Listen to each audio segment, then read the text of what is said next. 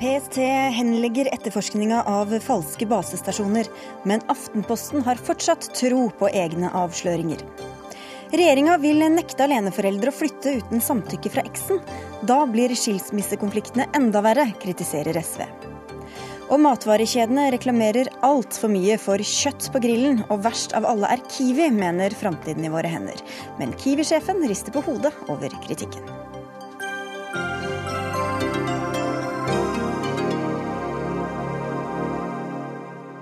Velkommen til Dagsnytt 18 på NRK P2 og NRK2. Jeg heter Sigrid Solund.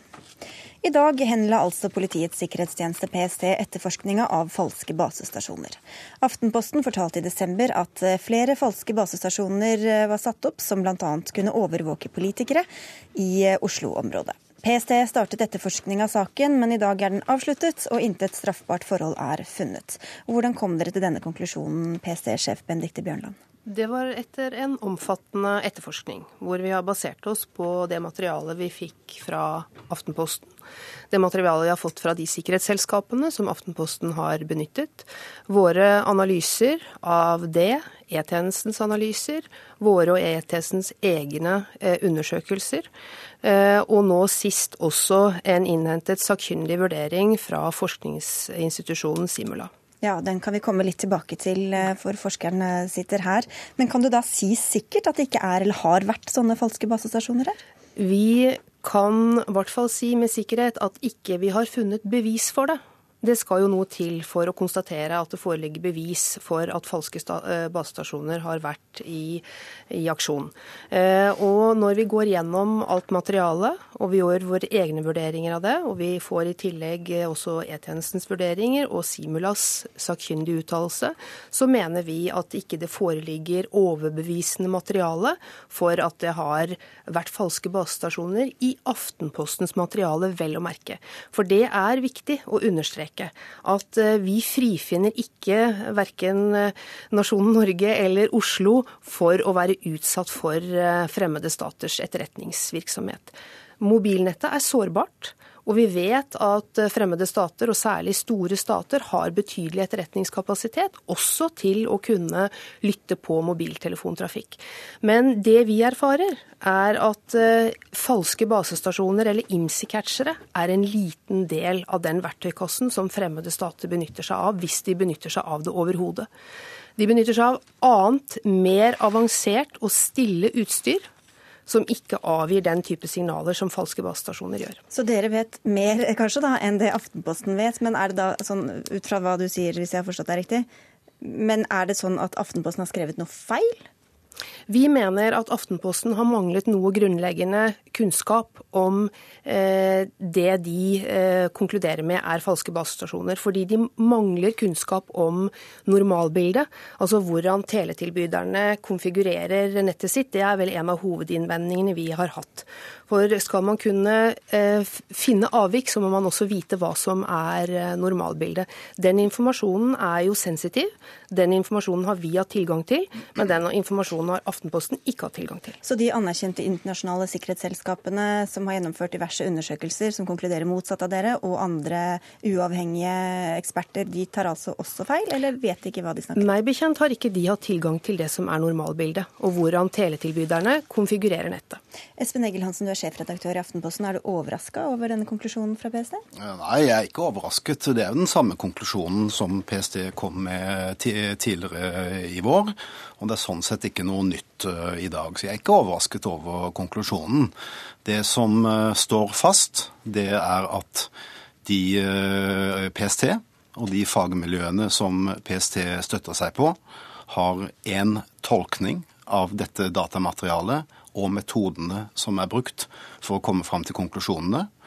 Og ulike uavhengige, ledende ekspertmiljøet kommer fram til en helt annen eh, konklusjon. Men, det står fast i dag. Men nå sier Benedicte Bjørnland at dere ikke har helhetsbildet, at de vet ting som dere ikke vet, og derfor ikke kan tolke alt riktig? Ja, ja men Vi må jo håpe at PST vet ting som vi ikke, ikke vet. Det ligger i sakens natur, og det er helt riktig at vi ikke har fått tilgang til, eh, til mobil- eller teleoperatørenes oppsett på, i mobilnettet. Det er helt, helt, riktig. Så det har vi ikke kunnet vurdere. Vi har ønsket det, vi har bedt om det i syv måneder. Men der har teleselskapene vært kategoriske på at de ikke ønsker å gå i en dialog der. Så på den ene siden så har vi en svakhet der. Vi har ikke den kunnskapen. På den annen side så pekes det i dag på at det utstyret vi har brukt, eller våre samarbeidspartnere har brukt, har eh, trolig målefeil. Eh, og da eh, tror jeg ikke at PST eh, har hatt tilgang på det utstyret. Det blir i dag kategorisk avvist. Vi kan komme litt tilbake til metodene veldig snart, men først må du si litt hva du syns om PSTs framgangsmåte de siste månedene. Eh, vi har nok vært noe overrasket. Eh, vi kom jo i god tid før publisering til eh, PST med dette materialet, og vårt utgangspunkt var at her var det indikasjoner på kriminell virksomhet. Vi har aldri sagt fremmede makter, vi vet jo ikke hvem som kan stå bak, men at det er indikasjoner på bruk av såkalte uh, falske basestasjoner. Dere slo fast at storting og regjering ble overvåka? Ja, og vi har i 135 artikler brukt uttrykket overveiende sannsynlig eller svært uh, sannsynlig, støttet på de mange kilder uh, vi har. Det er det uttrykket vi har brukt. Og, og er nok noe overrasket over den holdningen eh, PST har hatt til materialet, enn eh, det vi oppfatter som en manglende åpenhet mm. til, eh, til, materialet. For dere tilbød PST materialet før det var publisert, er det riktig? I, i høyeste grad. Holdningen den gangen, nå har den riktignok endret seg, holdningen den gangen var jo at vi kan ikke løpe etter disse IMSI-catcherne.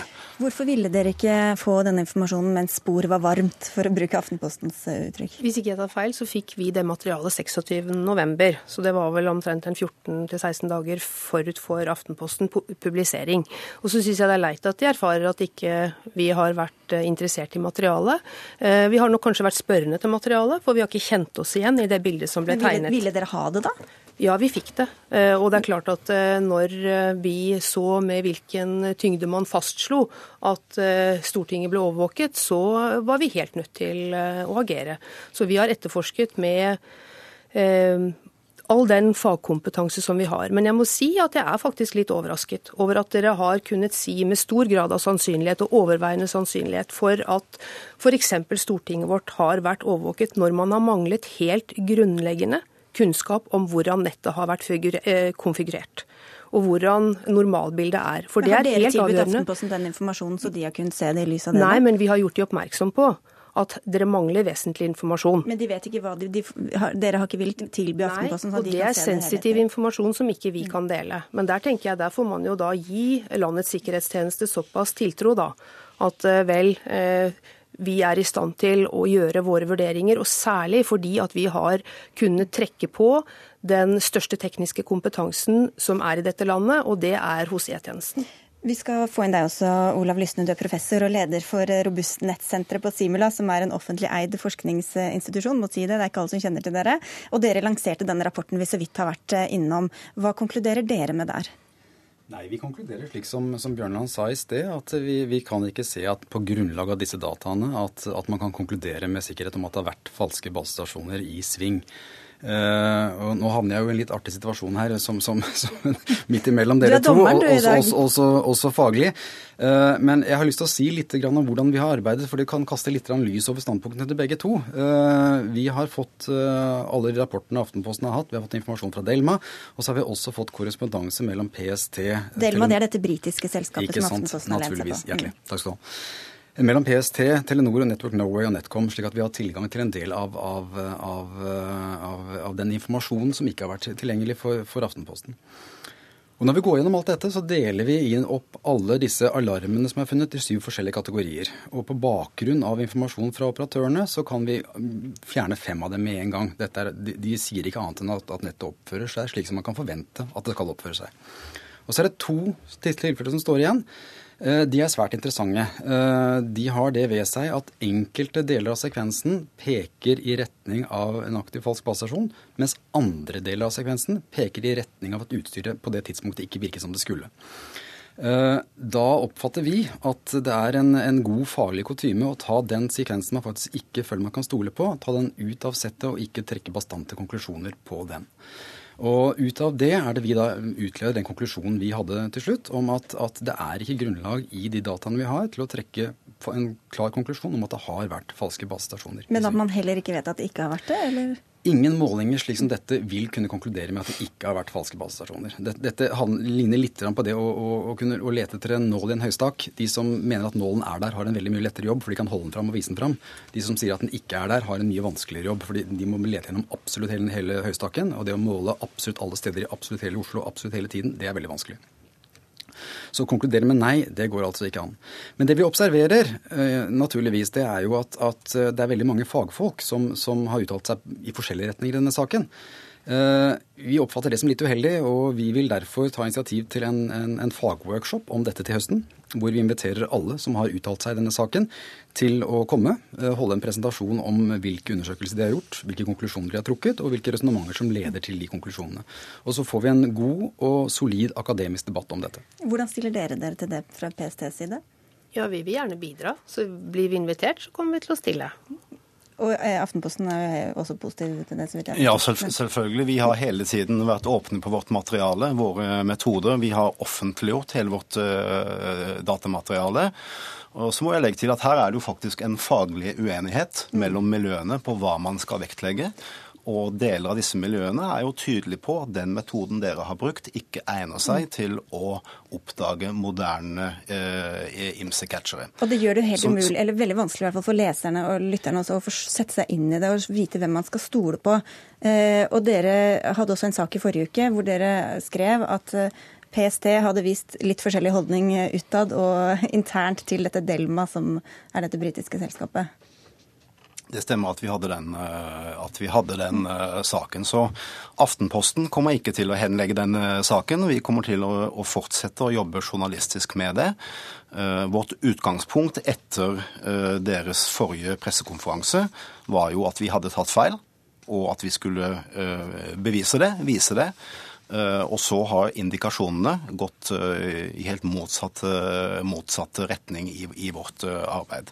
Hvis vi nå kan komme videre, hvis PST og teleselskapene nå kan bidra til, vise åpenhet på sine metoder, på sitt datamateriale, så skal vi kunne komme videre med denne saken.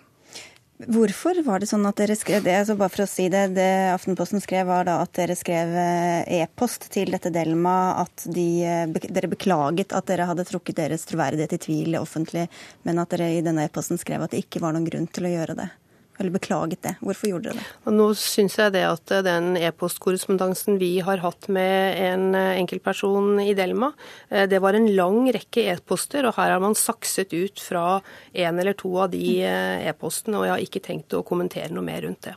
Men du sa at vi skal stole på PST, men mm. mener du at vi skal stole blindt på PST og ikke gjøre egen journalistikk, sånn som Aftenposten har gjort her? Aftenposten og andre medier har en viktig rolle i å kontrollere oss, men jeg syns at hvis man først skulle sitere fra en e-postkorrespondanse, så så fikk man ta hele. Det kan bli en tjukk avis, eh, Espen Egil Men det kan være vi tar den utfordringen. Vi får se. og nå har vi jo nettet, hvor man kan gjøre alt dette. Og du satser på en full eh, opplysning til høsten, da, Lysne? Vi håper i alle fall at vi får kastet lys over hva som, som, som nå framstår som uklart eh, hva gjelder uenighet fagfolk mellom. Takk skal dere ha for at dere kom i denne runden. Så blir det kanskje flere. Benedicte Bjørnland fra PST, Olav Lysne fra Robust Nettsenteret på Simula og Espen Egil Hansen fra Aftenposten.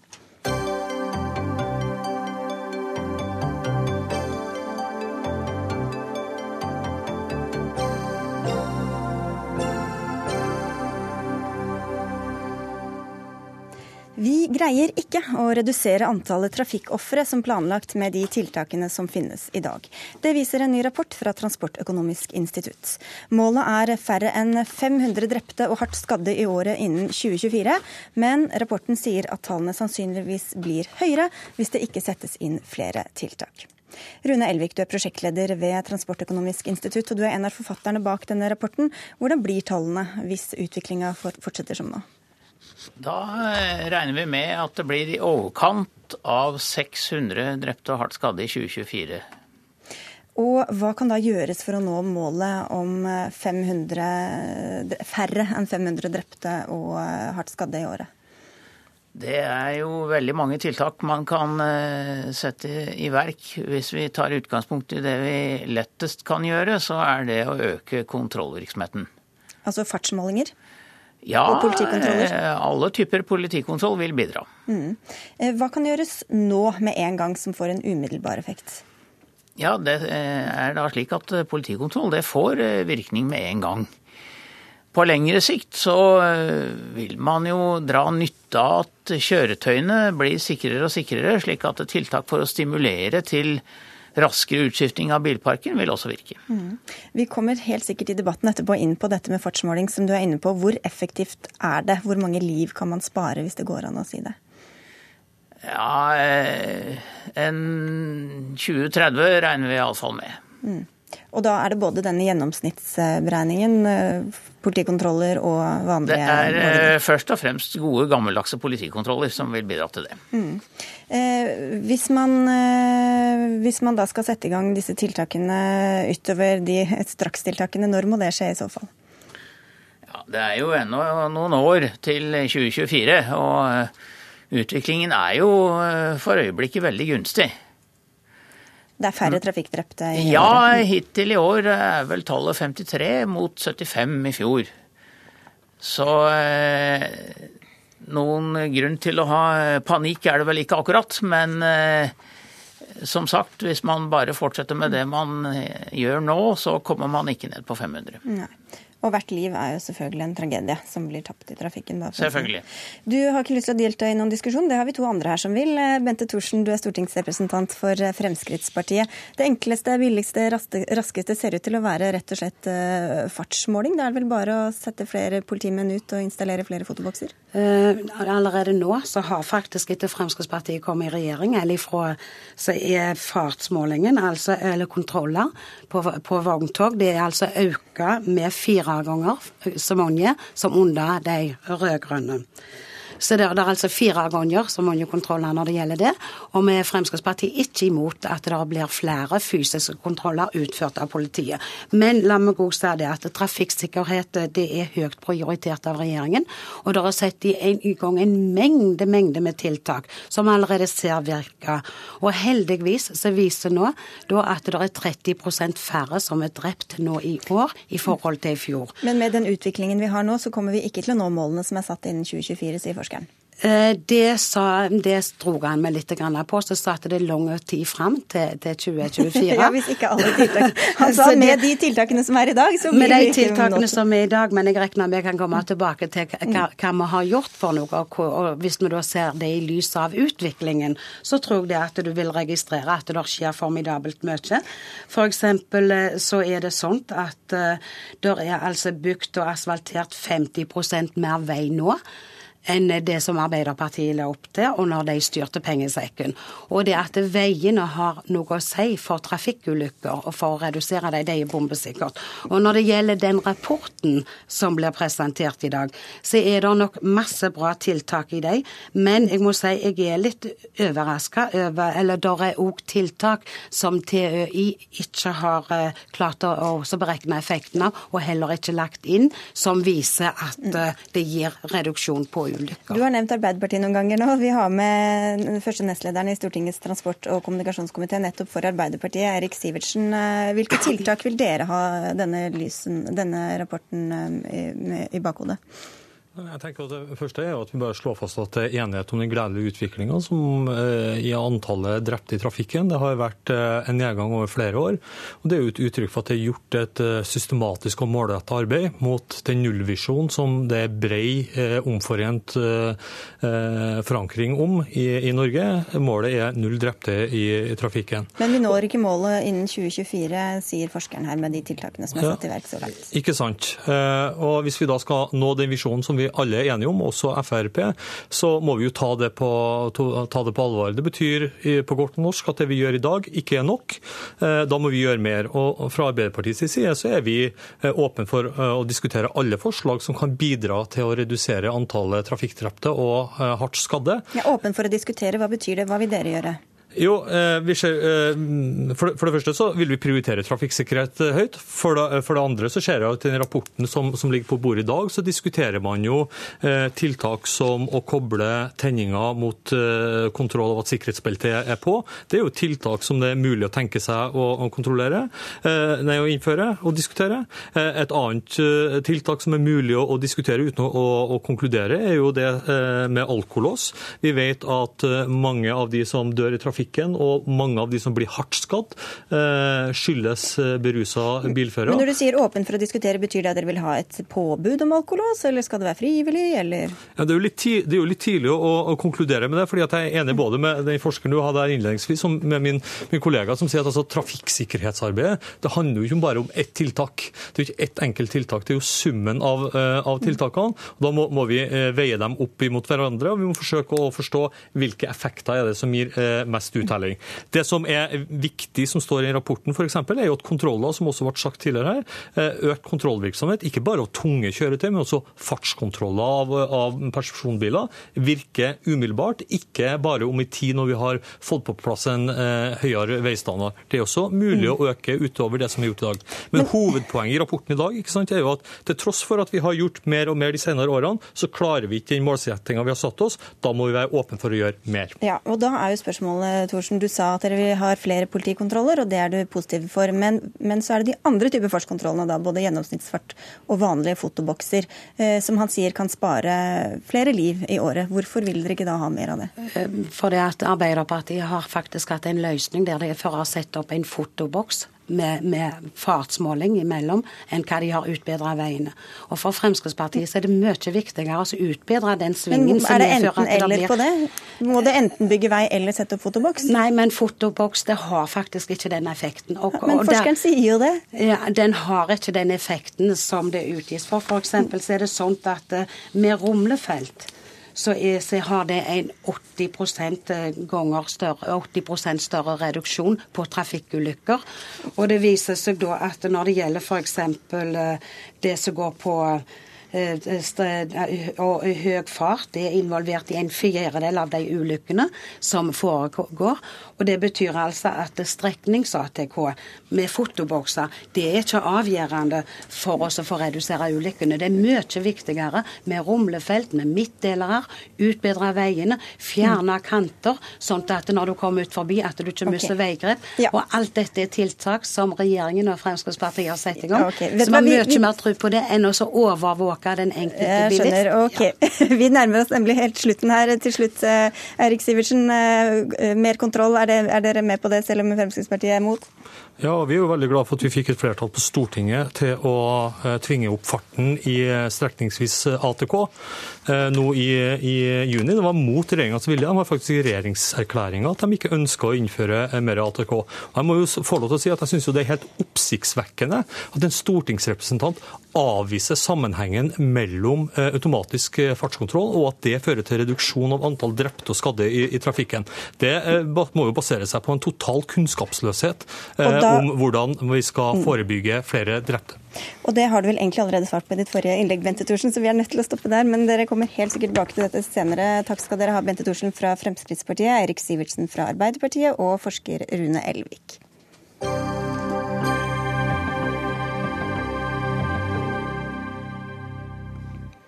I dag landet et fly med ni døde britiske turister på en militær flybase i England. De var blant de 30 britiske ofrene som ble skutt på stranda i Tunisia i forrige uke.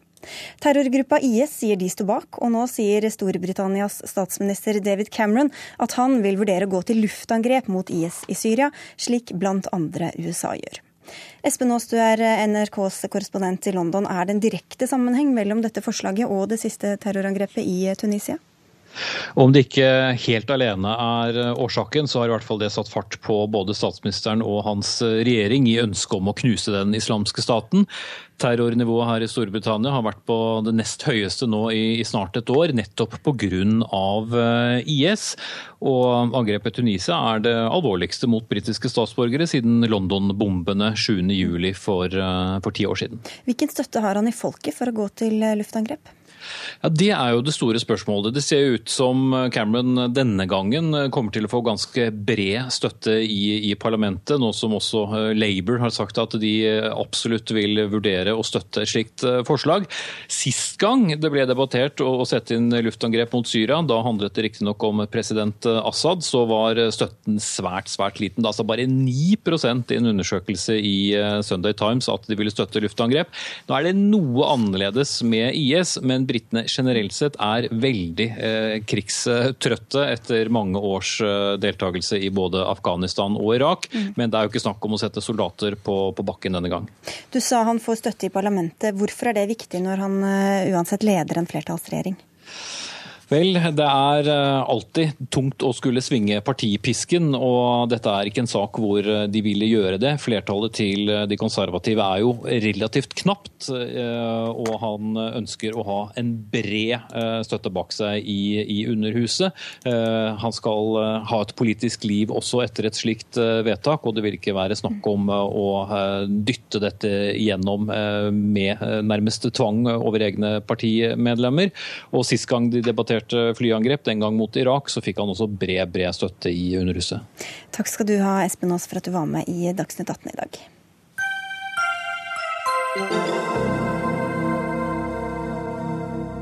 For mange nordmenn er osen fra tennvæske og forkulla kjøtt ensbetydende med sommer. For det er mange disse dager som står bøyd over grillen, enten de har investert 15 000 i den eller kjøpt en engangsgrill på bensinstasjonen. Uansett, det folk eh, griller er stort sett kjøtt.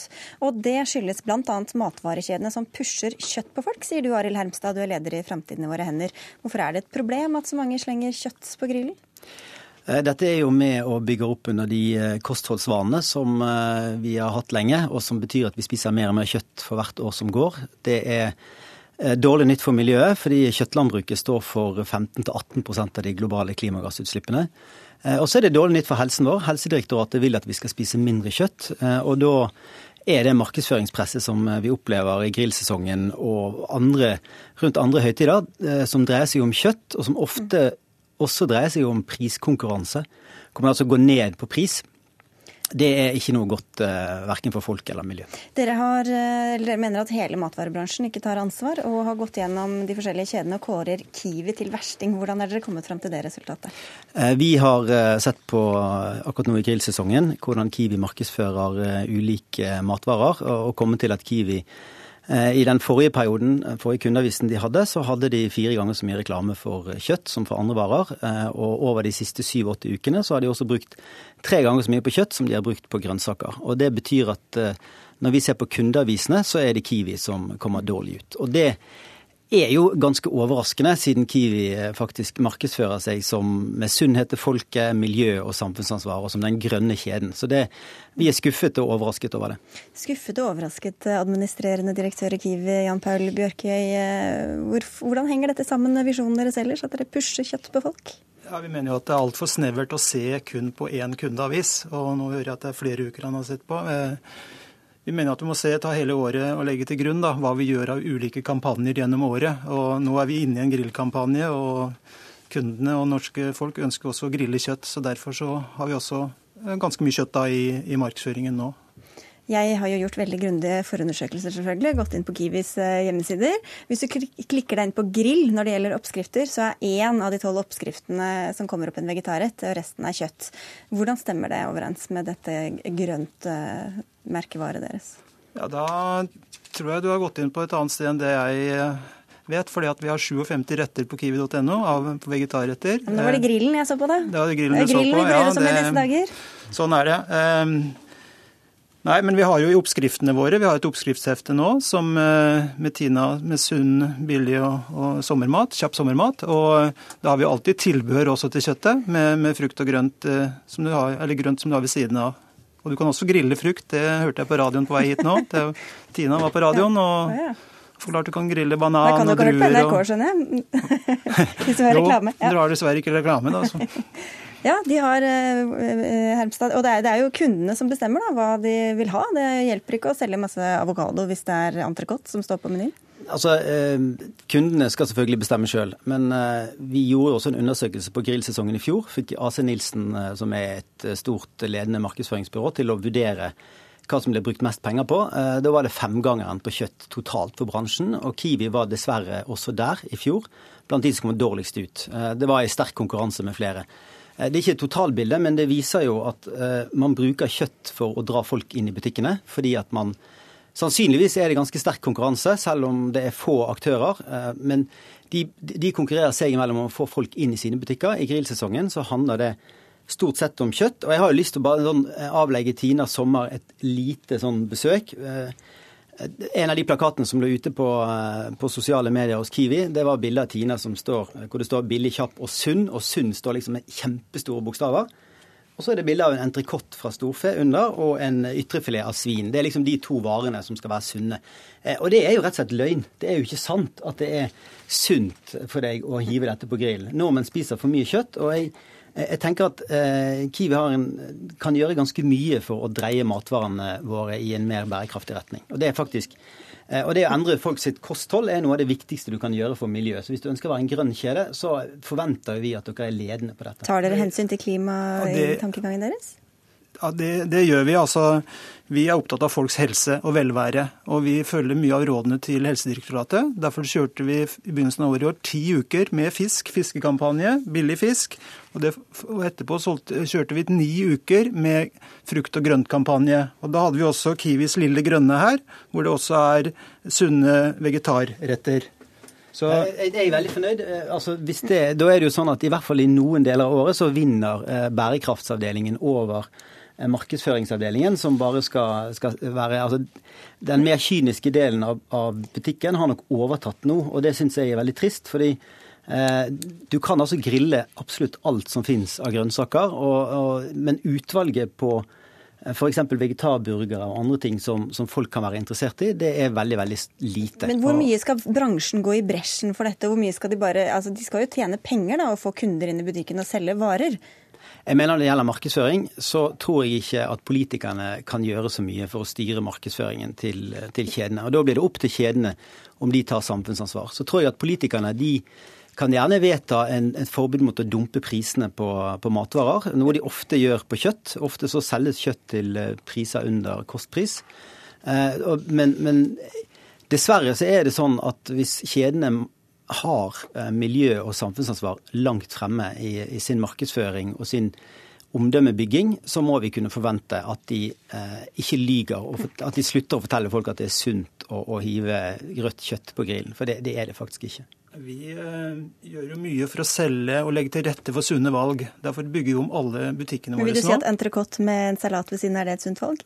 Ja, det er vi vil jo alle kose oss, selv om vi er sunne, sunnere til andre tider. Og så ønsker begge deler. Sånn er jo vi mennesker. Så, men, men sunt er det vel ikke? Ja, Det skal jeg ikke innlate meg på diskusjon på, hva som er sunt eller ikke sunt. Det er det mange meninger om. Men har dere noe mål om å få ned kjøttforbruket blant eh, nordmenn? Nei, vi har som mål å legge til rette for sunne valg. og Da gjelder det fisk og, og frukt og grønnsaker. Og vi bygger om butikkene, som jeg sa. Vi bruker 1 milliard kroner nå i to år for å legge til rette for sunne valg. Og det er opp til kunden å velge. Vi bruker ingen pekefinger. Det er kundens valg å velge sine varer. Vi får eh, si takk og god sommer, enten dere griller det ene eller det andre, til begge to. Eh, Arild Hermstad fra Framtiden i våre hender og Jan Paul Bjarkøy fra Kiwi. Takk skal dere ha.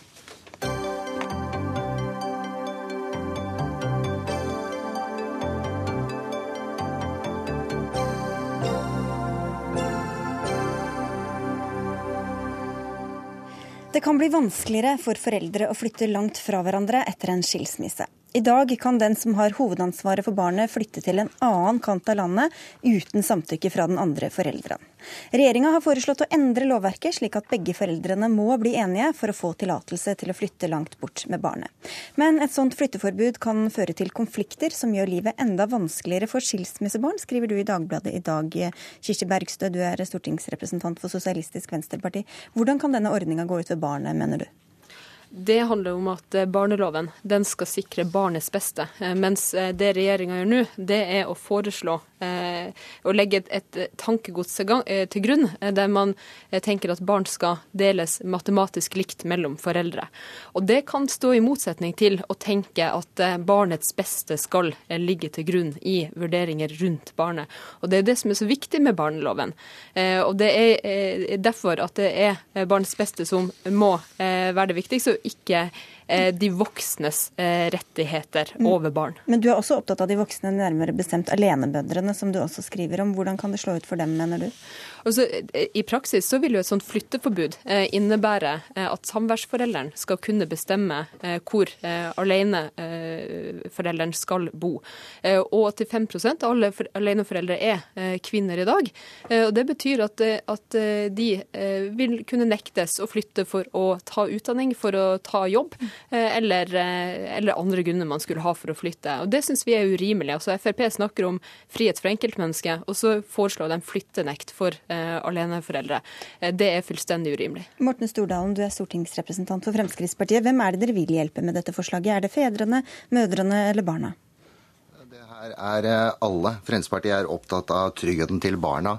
Må vite at det er veldig mange barn som opplever å aldri ha kontakt med sin far fordi at foreldrene flytter langt av gårde. Samværssabotasje er jo et stort problem. Eh, og vi er opptatt av likestilling. Ikke sånn som SV er tydeligvis opptatt av likestilling kun for lykkelige gifte samboende par. Eh, vi er opptatt av å legge forholdene til rette for at man skal ha mer konfliktdempende tiltak. Derfor så mener vi at 50-50-deling er et eh, godt utgangspunkt. Og så kan man fortsatt avtale Ikke snakker så mye om delinga, men vi snakker om dette flytteforbudet, hvis vi holder oss til det. Jo, og da er Fremskrittspartiet opptatt av det. At eh, barna skal ha muligheten ja, og tryggheten og vissheten om at de kan kontakt, få kontakt med begge foreldre og vokse opp eh, og ha kontakt med begge sine foreldre. Det er faktisk barns rett, eh, og det er ikke SV opptatt av, det hører jeg. Opptatt av at foreldre nå, det handler om likestilt foreldreskap. Det handler om ansvaret for barnet. Det handler om valga man tar for barns liv.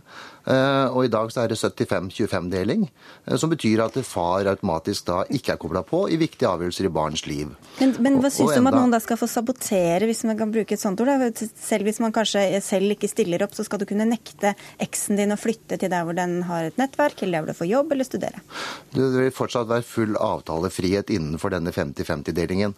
Vi mener det Fremskrittspartiet at det er den rette utgangspunktet av 50-50. vil være mer konfliktdempende. Men nå snakker jeg om det flytteforbudet. Jo, jo, og det er eh, helt riktig.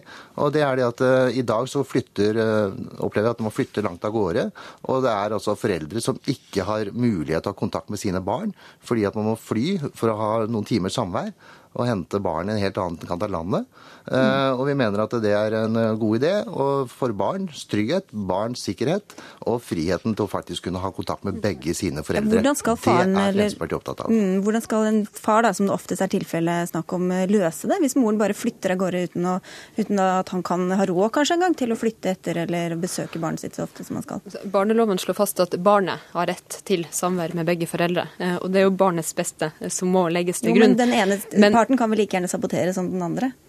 Og, Derfor er det viktig at man har et familievern og systemer som kan fange opp eh, uenighet mellom foreldre og bidra til eh, at man kan eh, få gode avtaler der det er et høyt konfliktnivå. Men konfliktnivået vil ikke bli lavere at den enes kontroll over den andre styrkes. Og Jeg reagerer veldig sterkt her når Fremskrittspartiet sier at de skal bruke barneloven for å sikre likestilling. Fordi eh, likestilling, det sikrer man gjennom en aktiv likestillingspolitikk. Som ikke vi går inn på nå, men, den aktive likestillingspolitikken. Jo, men det som er viktig, det er jo at man har delt eh, foreldrepermisjon fra starten av. At man får likeverdige relasjoner. Ja. Eh, at man sikrer et, et likestilt eh, foreldreskap på det viset. Men det å svekke barneperspektivet i barneloven, det er jo et veldig misforstått eh, grep fra, fra Frp eh, sin side. Du skal få svare, Stordalen, men først skal vi få inn en som støtter deg, nemlig Sølvi Leander. Du er nestleder i foreningen to foreldre. Eh, hvorfor er dere positive til dette forslaget? Vi ønsker dette velkommen nettopp fordi dette er konfliktdempende. Det er eh, likeverdig foreldreskap, og det ivaretar barnets eh, rett til kontakt med begge foreldre gjennom et helt liv. Hvor, hvor stort problem er det i dag at noen bare tar med seg barnet og flytter selv om den andre ikke vil? Ja, noe Tall har jeg ikke her og nå, men det er et relativt stort problem. at man, Bor man på Kirkenes, så kan man ta med seg barnet uten videre. Slenge inn en varsel, seks ukers varsel og forsvinne til andre siden av eh, landet. Uten egentlig noen konsekvenser. Det eneste man oppnår, er jo mindre samvær og økt bidrag. Det er egentlig det man oppnår. Det er absolutt sårt eh, i det eh, samlivsbrudd eh, skjer, eh, og i det eh, den ene må flytte for jobb eller utdanning eller hva den skal være. Men veien eh, til godt samarbeid går, gjennom, går ikke gjennom at den ene kan nekte den andre bevegelsesfrihet. Veien til godt samarbeid går jo nettopp ved at man har gjensidig respekt og samarbeid rundt barnet. Det er ingen som nekter noen å flytte her. Det er full flyttefrihet. Men det er ingen automatikk i at man får barnet med på flyttelasset. Det finnes to foreldre, og du sier selv i Dagbladet i dag at eh, både mor og far, mann og kvinne er like gode eh, foreldreemner. Og da kan man like gjerne bli boende i sitt nærmiljø, beholde venner, familie, det kan jo være at vedkommende flytta til mannen eller kona i utgangspunktet da, har alt nettverk og jobb et annet sted. Ja, men barnet. Det er barnets rotsystem jeg er opptatt av, ikke foreldrene. Eh, Stordalen, det har vært konfliktnivå som vi har snakket om. Eh, hva tror du det gjør med konfliktnivået og samarbeidsmuligheten hvis den ene parten da kan nekte den andre å flytte? Ja, jeg mener at det er konfliktdempende. Eh, det er ikke noe tvil om. Det er jo dagens system som SV forsvarer, som er et problem. Eh, hvor at eh, man har en skjevfordeling, hvor at man opplever mange fedre som ikke får kontakt med sitt barn, og barn mister altså rett til å ha kontakt med sine egne foreldre. Og jeg syns det er veldig spesielt at SV er mer opptatt av en enn mor, enn faktisk familien. Fremskrittspartiet er opptatt av familien. Familien er det viktigste for all likestillingspolitikk i Norge. Det mener jeg der det starter. Og familien er særs viktig for barns eh, oppvekstvilkår. Eh, så her vitner det om at SV er ikke opptatt av barna, men eh, det er Fremskrittspartiet. Derfor har vi handlekraft nok til å gjøre noe med det, mens SV har sittet og sett på det i mange år uten å gjøre noen ting. Og jeg tror nok SV også har hatt mange henvendelser på Stortinget i forhold til problemet med samværssabotasje. Og det er jo ikke så høy arbeidsledighet her i landet at det er umulig å få seg en, inn, en viss avstand, vil jeg tro, i hvert fall i de fleste tilfeller, Kirsti Bergstø? Ja, Det kommer an på hvor du ser. Det er heller ikke uvanlig at du må flytte for å f.eks. ta utdanning. Og, eller eh, det er også legitimt å flytte fordi at du skal etablere deg på nytt. Eh, og da må vi jo Men hvis du har fått et barn med en mann som bor et sted, så må du kanskje ta konsekvensen av det, da? Da må man jo legge opp til at eh, foreldre skal snakke sammen. Og det er jo de tilfellene der det ikke skjer på en grei måte, der konfliktnivået allerede er høyt. Eh, at ungene risikeres å bli eh, kasteballer i eh, et sånt lovverk, og at ungene blir den skadelidende part. Fordi Hvis barnets beste skal ligge til grunn, ja, så er det viktig at foreldre klarer å ta barneperspektivet inn, at man får hjelp til det gjennom familievernkontor, selv om konfliktnivået er høyt. Og barn de skal sikre samvær med, med begge foreldre, men, men, men, løsninger må bygges på hva som er til det beste for ungene. Nå ble jeg litt utålmodig, fordi vi er nødt til å avslutte. Dere får komme med høringsinnspilling fra foreldre, to foreldre Foreningen to foreldre. For nå, nå, skal dette ut på høring. Takk skal dere ha, Morten Stordalen fra Frp, Kirsti Bergstø fra SV og Sølvi Leander fra Foreningen to foreldre.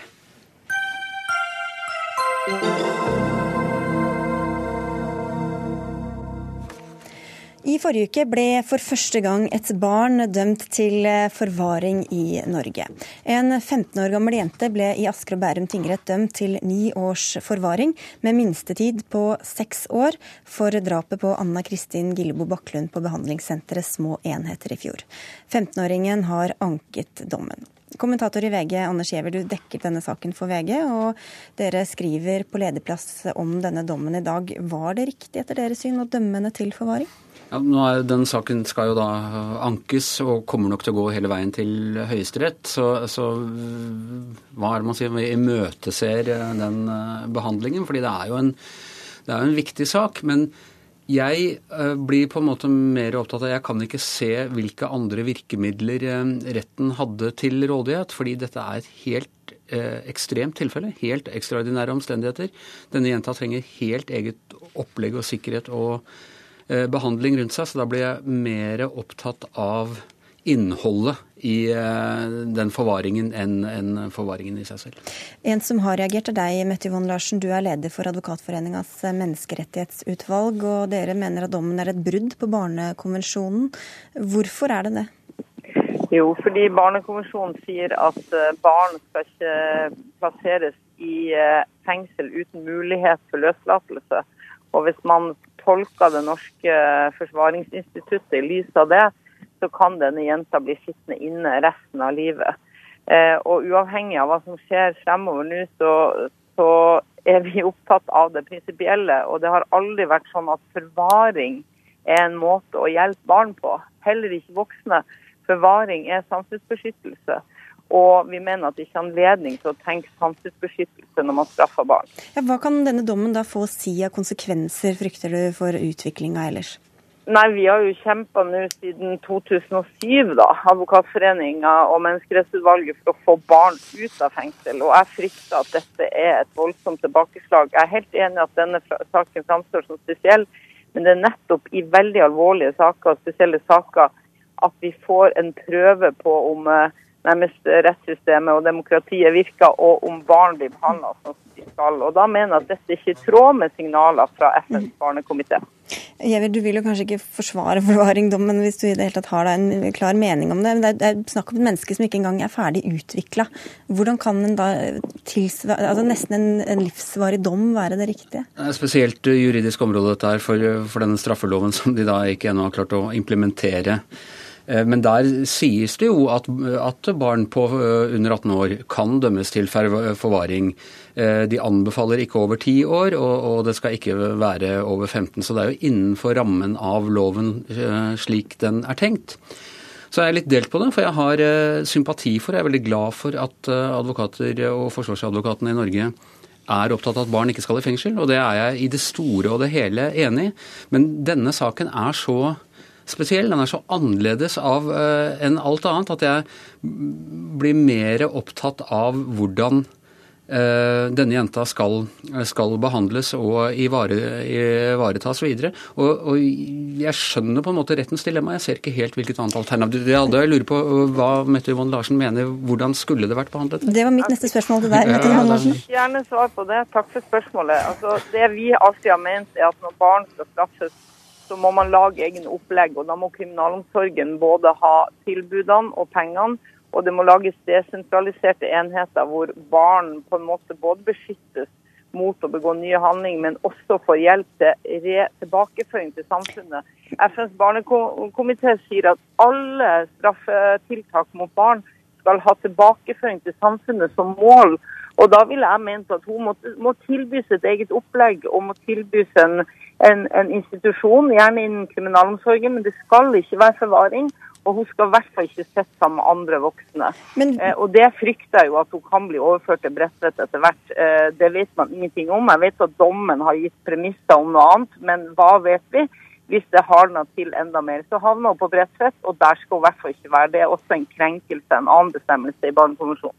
Men eh, som Anders Giæver var inne på, så er det jo den oppfølginga hun får. og Hvilken rolle spiller det om hun er i institusjon eller i et slags uh, tilrettelagt fengsel eller i forvaring, så lenge hun får god oppfølging og også samfunnet beskyttes mot henne? Hun er jo farlig. Ja, altså noen sier hun er farlig. Noen uh, vil vel sagt at, at hun har jo ikke vært beskytta. Og når vi for en gangs skyld trenger å beskytte oss mot henne, da setter ressursene inn. Det er en sånn rettspolitisk innspill. Men jeg tenker uansett at forvaring er altså Hvis det blir vanskelig å håndtere en jente i samfunnet, så vil det handle om repressive tiltak, innelåsning osv. Altså, forvaring har ikke som formål å tilbakeføre barnet til samfunnet. Og, og, dermed så kommer hun inn under en hatt som jeg frykter vil være uheldig for henne, og jeg frykter skadevirkninger for andre barn. Og jeg frykter at vi får et mer repressivt system mot barn.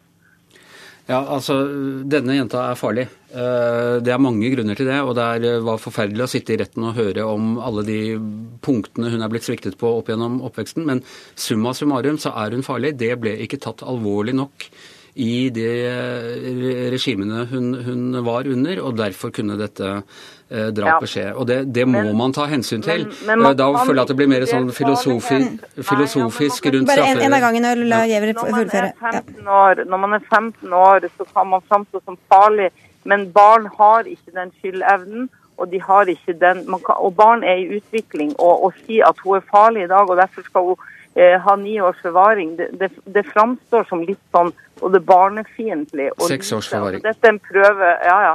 Men eh, hun har jo fått eh, ni år, da, så det er seks, år, seks års minstetid.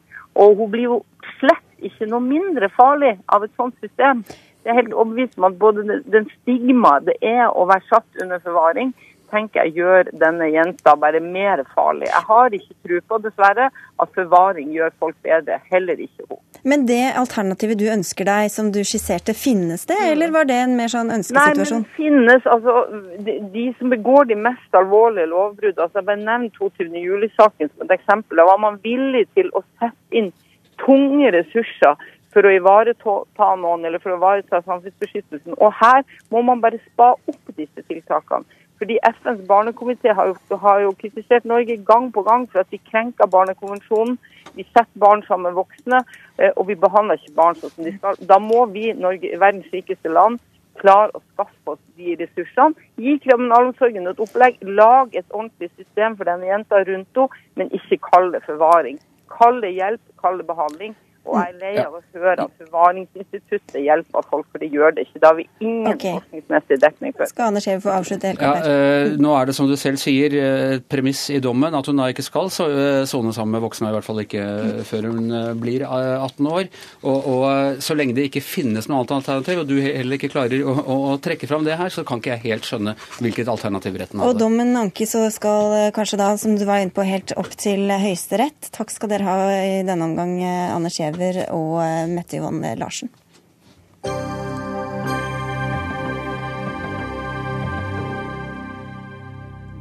Og inn eh, i studio her eh, kommer representanter fra tankesmiene Civita og Agenda, og dere skal tenke høyt om tillit. For i Norge har vi høy tillit til hverandre, til autoriteter og til samfunnet generelt. Det er det bra, sier dere begge. Men den tilliten blir hele tiden utfordra, og her er dere litt uenige. Marte Gerhardsen, du er leder for eh, Agenda, og du mener at tilliten i samfunnet trues av økt ulikhet. Forklar deg. Det er veldig godt dokumentert at det er en sterk sammenheng mellom ulikhet og tillit. I samfunn med, sterk, med stor ulikhet så er det også mye mindre tillit. Så når vi skal diskutere om hvordan vi skal bevare tilliten i samfunnet, så er, det, er vi nødt til også å se hvordan det går med ulikheten. For så lenge det, Hvis det ikke er sosial mobilitet og forskjellene blir for store, så, så forsvinner også tilliten mellom menneskene og mellom menneskene og systemet. Og dette har dere skrevet litt om i ulike spalter i avisene de siste ukene. Lars Gauden Kolbergsveit, du er rådgiver i Civita. Er du like bekymra for at en økende ulikhet kan ødelegge for tilliten i samfunnet? Jeg tror at en for stor grad av ulikhet kan være eh, et hinder for, eh, for tilliten i samfunnet, men jeg tror man må se på hva type ulikhet det er snakk om. Og I Norge så har vi ikke ulikhet i den forstand at eh, man ikke har like muligheter. Vi har gratis helse og utdanning som gir folk like muligheter.